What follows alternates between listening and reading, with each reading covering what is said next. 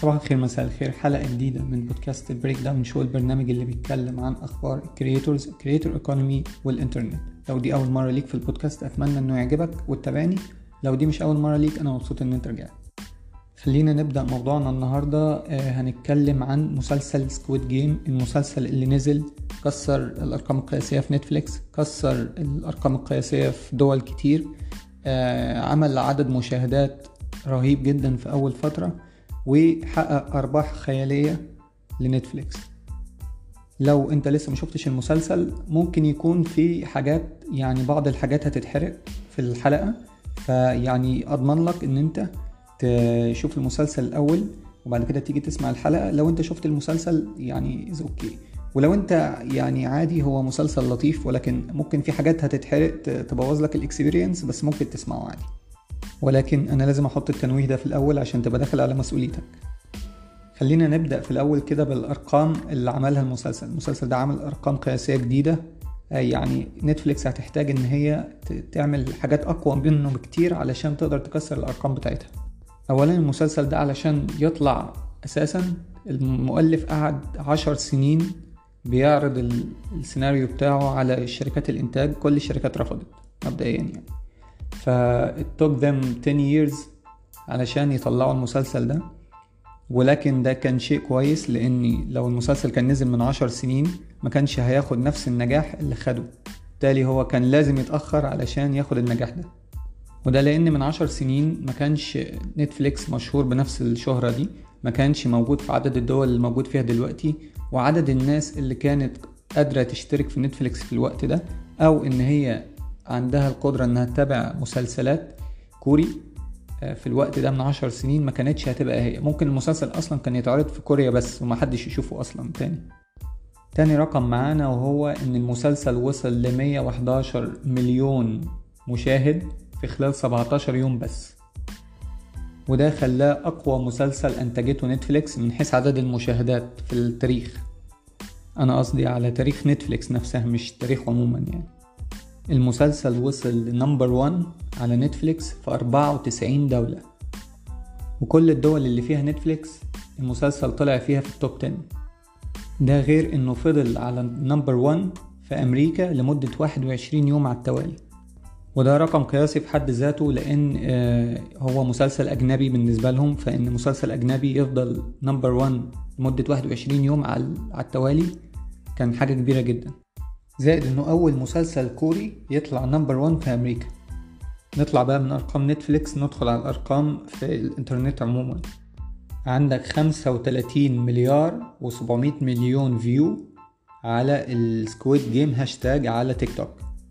وده رقم كبير جدا 35 مليار view ارتفاع مبيعات جزم Vans البيضة اللي كان لابسها الممثلين في المسلسل بنسبة 7800% والرقم الأكبر فيهم هو ارتفاع ال followers بتاع الممثلة هويون اللي هي كانت بتمثل دور النشالة من 400 ألف follower على إنستجرام ل 19.1 مليون follower في خلال 21 يوم.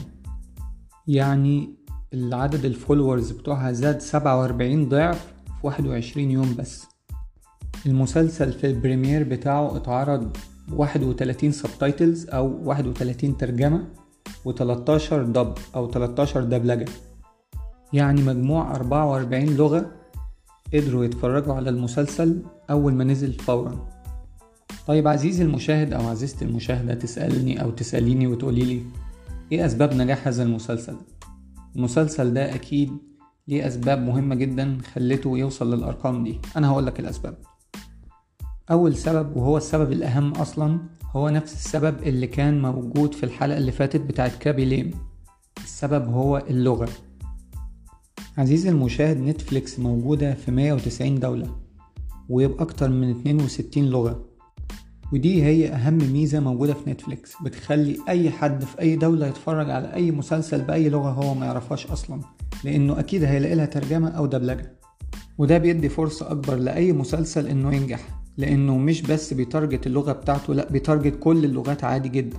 ممكن تعمل مسلسل بالعربي يتفرج عليه واحد ألماني أو مسلسل ألماني يتفرج عليه واحد ياباني أو مسلسل إيطالي يتفرج عليه واحد من البرازيل. مش محتاج تتعلم مثلا برتغالي أو تتعلم أسباني أو تتعلم إيطالي أو تتعلم ياباني أو ألماني. أنت اوريدي هتلاقي دبلجة هتلاقي ترجمة المسلسل هيوصل لك بنفس اللغة اللي انت عايزها. حتى لو انت عايز لغة تانية غير اللغة بتاعتك هتلاقيها برضه. مسلسل مثلا زي ما وراء الطبيعة مسلسل مصري ولكن كان أي حد من أي دولة بأي لغة بيتفرج عليه. مسلسل زي دارك مسلسل ألماني بس أنت بتتفرج عليه بالعربي. مسلسلات زي Game of Thrones مسلسلات زي Breaking Bad Friends المسلسلات دي وصلت للعالم كله بسبب الترجمات. فبالتالي حققت نجاح كبير جدا. وده برضو من يعني ده أهم سبب في نجاح Squid Game تاني سبب عزيزي المشاهد هو فكرة اللعبة أو فكرة المسلسل. فكرة المسلسل هي مسابقة. الناس اللي موجودة في المسابقة دي دخلت بمزاجها علشان هم عليهم ديون فهم لو فضلوا برا لو يعني ما دخلوش اللعبة هيموتوا لأن هم مش هيقدروا يسددوا الديون اللي عليهم ولو دخلوا اللعبة هيكسبوا في واحد منهم هيكسب. فكل واحد نفسه يوصل للمكسب. وهي دي فكرة برامج كتير زي مثلا من سيربح المليون أو برنامج مليونير اللي هو البرنامج الأساسي. آه، برامج زي Arabs Got Talent America's Got Talent Arab Idol America's Idol The Voice كل البرامج اللي فيها مسابقة أو تنافس ما بين أشخاص عاديين بتجيب نسب مشاهدات خطيرة. أكيد أنت شفت المس... البرامج دي كلها. والبرامج دي بيبقى ليها مواسم كتير جدا وحلقات كتير جدا بتفضل لسنين بتحقق نجاح رهيب في المشاهدات وفي ال views وفي ال... يعني هي المشاهدات هي ال views وفي الأرباح.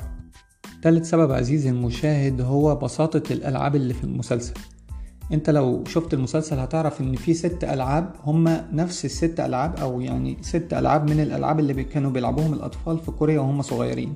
فبالتالي معظم أو كل أبطال المسلسل هم لعبوا الألعاب دي يعني الشخصيات قصدي لعبوا الألعاب دي وهم صغيرين.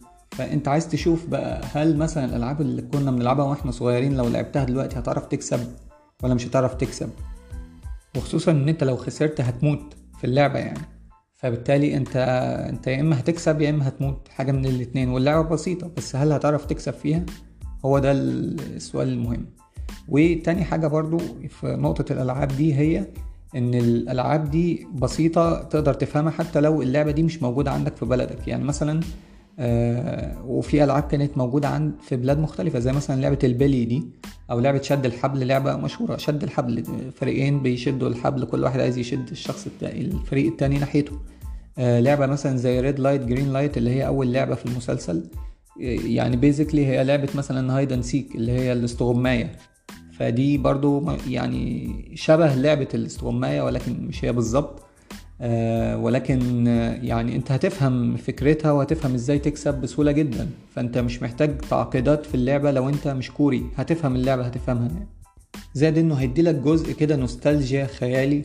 هتقعد تفكر بقى الموضوع ده لو لو المسلسل حصل في مصر هيجيبوا انهي ألعاب؟ طب وأنا لو هعرف ألعب لعبة كنت أنا بعرف ألعبها وأنا صغير هتبقى لعبة إيه؟ وهل هكسب وهل فاهم؟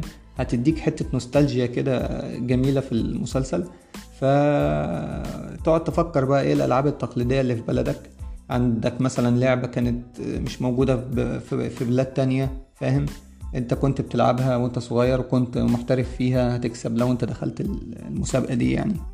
رابع سبب عزيزي أو عزيزتي المشاهدة هو ال plot twist.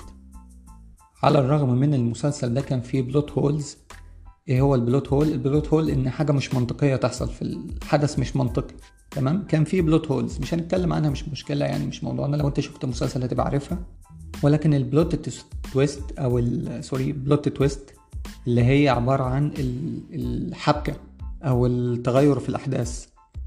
كان زي مثلا معلومة لما اكتشفنا في الحلقة الثالثه أو الرابعة إن لو واحد مات بره الألعاب عادي بيتعمل له elimination ونكمل الألعاب وناخد الفلوس بتاعته اللي هو يعني ال bid اللي عليه اللي هو 100 مليون.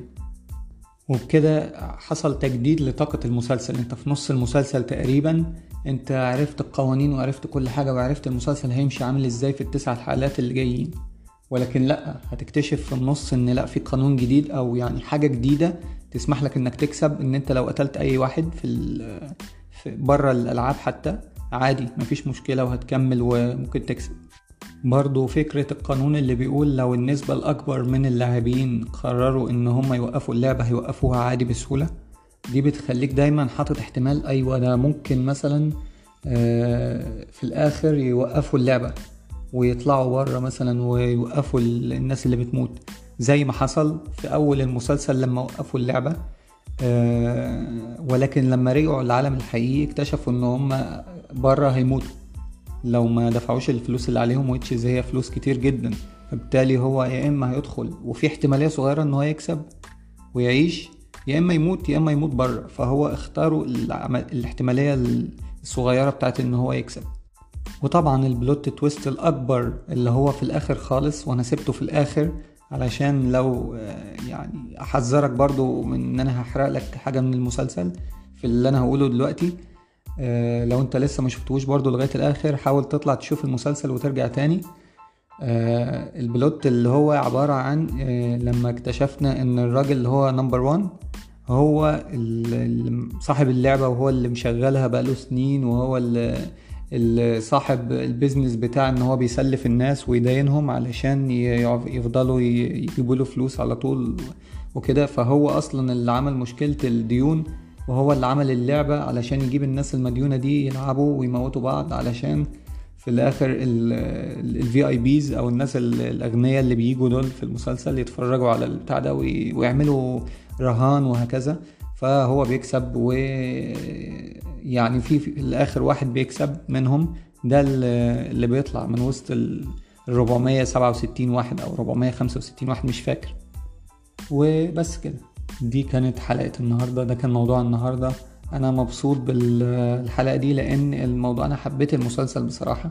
آه، يعني أنا مش مش من النوع اللي هو طالما حاجة ناس كتير شافتها يعني فأنا مش هشوفها عشان أنا ابقى روش جدا يعني ما شفتش الحاجة دي وكده.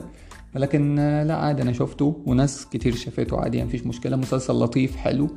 آه، هل أنا زعلان إن هو طلع مثلا number 1 وكده؟ لا عادي ما يطلع number 1 ولا يطلع number 2 ولا عادي يعني مفيش مشكلة. وتيجي مسلسلات تانية تكسر الرقم بتاعه عادي وتطلع نمبر وان وهكذا. آه، يعني حاجة كويسة. يعني هو ده الإنترنت. الإنترنت ممكن يخليك تنزل مسلسل كوري تتفرج عليه في مصر. آه، بترجمة إنجليزي عادي جدا أو بدبلجة إنجليزي. يعني هو ده الإنترنت الجديد يعني. بس فهو ده اللي أنا كنت عايز أقوله النهاردة في الحلقة. لو وصلت للحظة دي في الحلقة أنا مبسوط جدا إن أنت وصلت للحظة دي. آه كنت عايز أدي شاوت أوت في أول الحلقة للناس اللي متابعاني آه زي عاطف زي بنوب زي آه يوسف. آه أنا مبسوط جدا إن في ناس بتسمع البودكاست.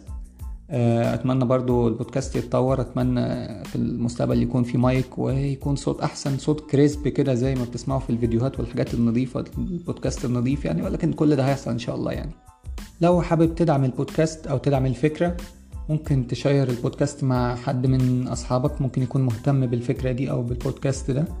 ممكن تعمل لي review على Apple Podcast لو انت بتسمع على Apple Podcast ولو بتسمع على أي platform فيها أي communication زي مثلا like أو favorite أو comment ممكن تتفاعل. فبالتالي هعرف رأيك أشوف لو البودكاست عجبك أو ما عجبكش وهكذا. ونطور مع بعض البودكاست إحنا موجودين يعني.